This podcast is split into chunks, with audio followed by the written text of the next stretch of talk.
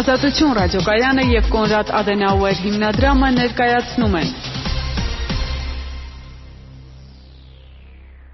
Կոնրադ Ադենաուեր հիմնադրամը եւ Ազատություն ռադիոկայանը ներկայացնում են զրույցներ կորոնավիրուսի մասին հաղորդումների շարքը։ Ես բժիշկ Վահե Մինասյանն եմ, այսօրվա թեման կորոնավիրուսի ազդեցությունն է օրգանիզմի վրա, իսկ իմ հյուրը այսօր Նորք ինֆեկցիոն կլինիկական հիվանդանոցի վարակաբան, լյարդաբան, կ ូវ իդի միջազգային օպերատիվ շտաբի անդամ Հասմիկ Ղազենյանն է։ Բարի երեկո։ Բարև ձեզ։ Բժշկուի փորձենք հասկանալ ինչ է տեղի ունենում նախ եւ առաջ օրգանիզմի հետ։ Մենք բոլորս գիտենք, որ այո վիրուս, վիրուսը ներթափանցեց օրգանիզմի մեջ եւ ինչ է անում շատերը գիտեն ինչ որ թոքաբոր, շատերը գիտեն, որ ազդում է սրտանոթային համակարգի վրա, լյարդի վրա։ Կարող ենք արդյոք մանրամասնել ու բացատրել, թե ինչ է տեղի ունենում վերջապես մարդու օրգանիզմում, որ օրգաններն են հիմնականում ախտահարում եւ ինչ մեխանիզմով։ Շնորհակալ եմ հարցի համար։ Մինչ օրգանիզմի վրա ազդեցությունները բացատրելու եւ հասկանալու համար նախ իմանանք ով է ազդում եւ ինչպես է ազդում։ Ազդող սուբյեկտը դա կորոնավիրուսային ընտանիքի 7-րդ սերունդն է։ Առաջացրած հիվանդությունը COVID-19 ինքը հարուցիչը կոչվում է SARS-CoV-2։ Ինչու՞, որտեղ մենք ունենք SARS-CoV-1, դա 2003 թվականին ծանր սուր շնչական համախտանիշ առաջացնող ուրեմն կորոնավիրուսն էր, որը 80% գենետիկորեն շատ նմանվում է մեր այսօրվա պանդեմիա առաջացրած վիրուսին։ Ինչու՞։ Երկուսն էլ ունեն ազդեցության նույն մեխանիզմը եւ ազդեցության նույն ֆերմենտը։ Ֆերմենտը կոչվում է ACE, ֆերմենտ,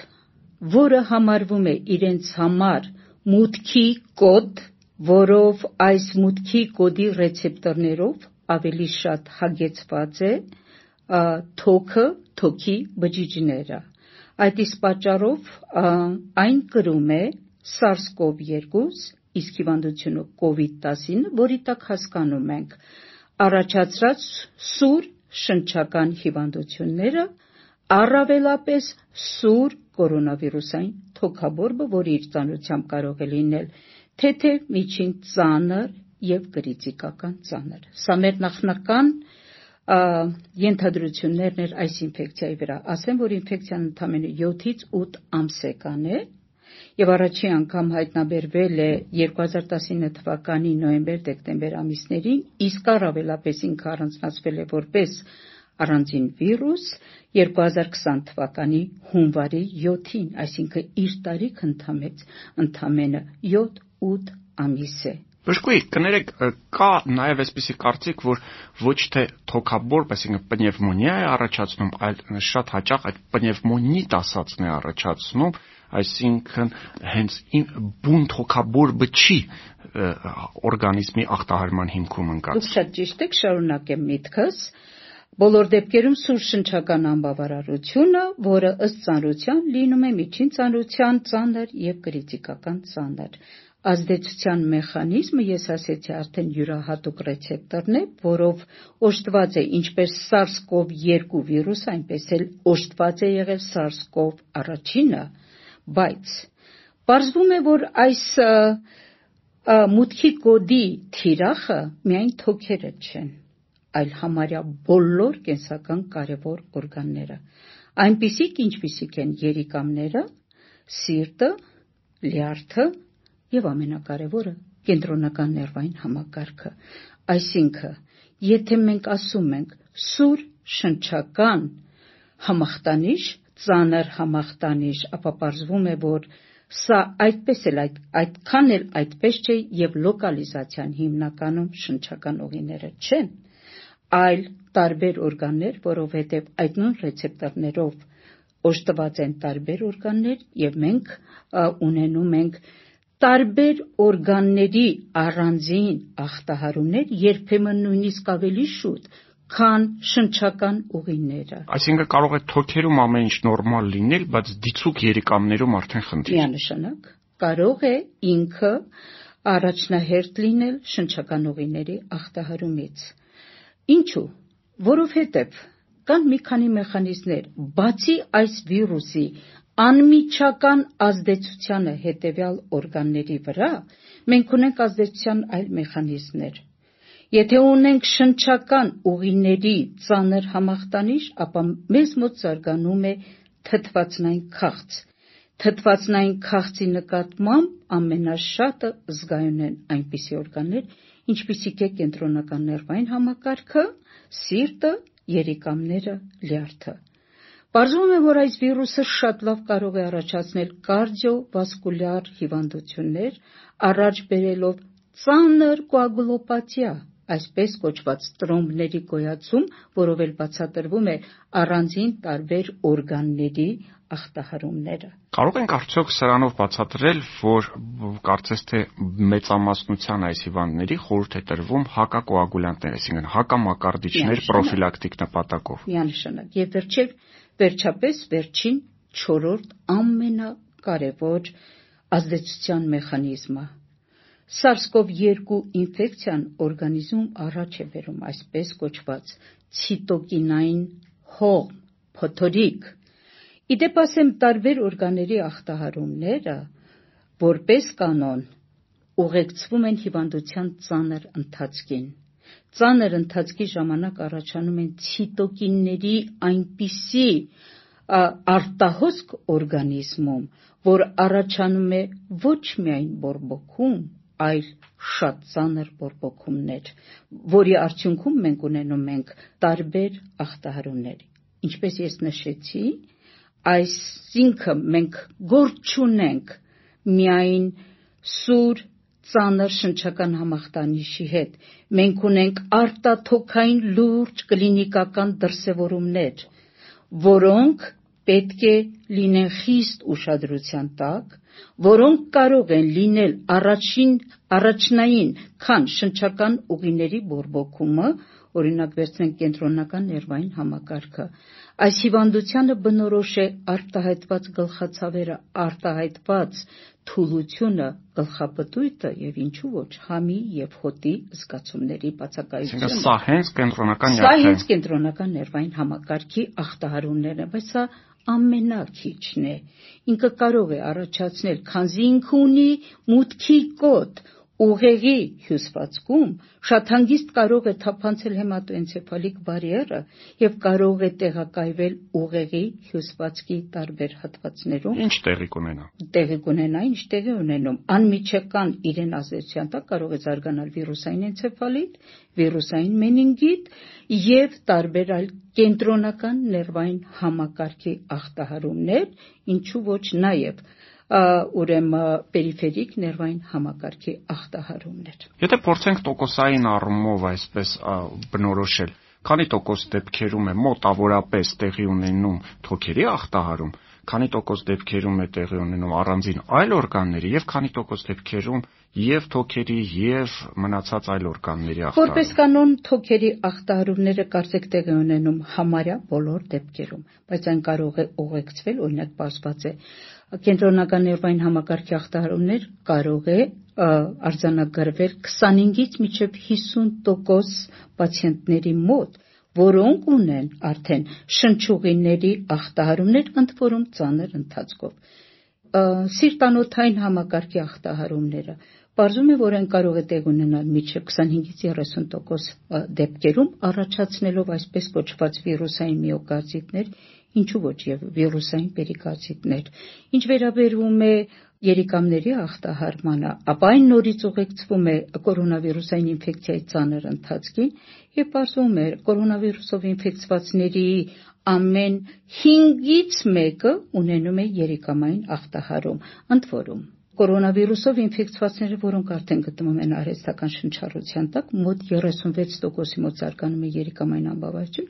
եւ պահանջում է դիալիզ այսպիսի պացիենտներին։ Հասմիկ Լևոննա, այդ դեպքում եկեք փորձենք հասկանալ նաեւ այսպիսի մի բան նման պարագայում արդեն པարզ է դառնում, որ ի սկզբանե երիկամային խնդիր ունեցող, ասենք, սովորական դիալիզի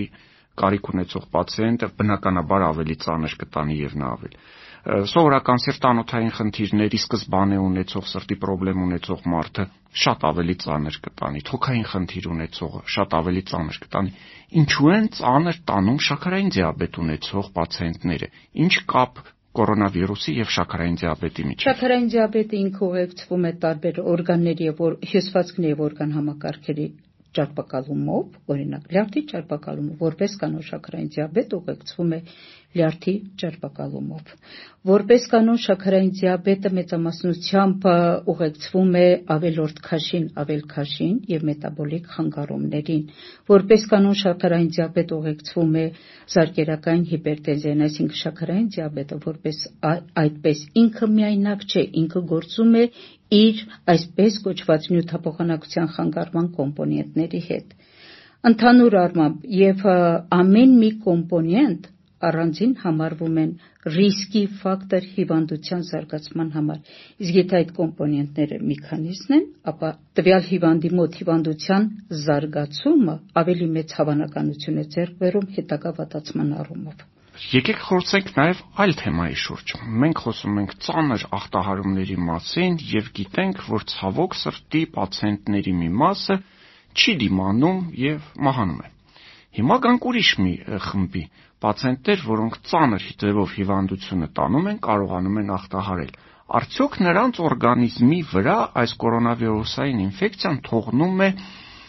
անվերադարձ հետևանքներ եւ արդյոք նրանք ամբողջ կյանքի ընթացքում կունենան շնչառական, սրտանոթային, ուղեղային խնդիրներ, որոնք այդպես էլ չեն վերականգնվի։ Անկեղծ ասած հարցը շատ հետաքրքիր է, բայց չմոռանանք, որ ընդամենը մենք 7 ամիս է որ աշխատում ենք այս ինֆեկցիայի հետ եւ 7 ամիս է որ ինքը մեզ հետ հավասար ապրում է մեզ հետ եւ քայլում է մեր կողքին, դեռ ինքը շատ ասելիքներ ունի։ Վերջերս դիտում էի առողջապահության համաշխարհային կազմակերպության հաղորդումներից մեկը 7 ամիս է, բայց 700-800 հրատարակություններ կան այս կորոնավիրուսային ինֆեկցիայի եւ էպիդեմիոլոգիայի եւ կլինիկական դրսեւորումների մասին եւ որքան շատ ենք ծանոթանում, այնքան հասկանում ենք ինքը դեռ մեզ ասելիքներ ունի ինչպես իր իսկ ներկայությամբ, այնպես էլ այն պացիենտների օրգանիզմում, որոնք կարողացել են հաղթահարել այս ինֆեկցիան, խոսքը չի վերաբերվում անսիմպտոմ թեթև միջին ծանրության պացիենտներին։ Խոսքը վերաբերվում է այն ծանր ընթացքով պացիենտներին, որոնց մոտ կորոնավիրուսային ինֆեկցիան բացի ատիպիկ պնևմոնիա կոչեցյալից ուղեկցվել է այլ օրգանների կամ ունեցել է բազմաօրգանային անբավարարություններ։ Բնականաբար ինքը անպայման կունենա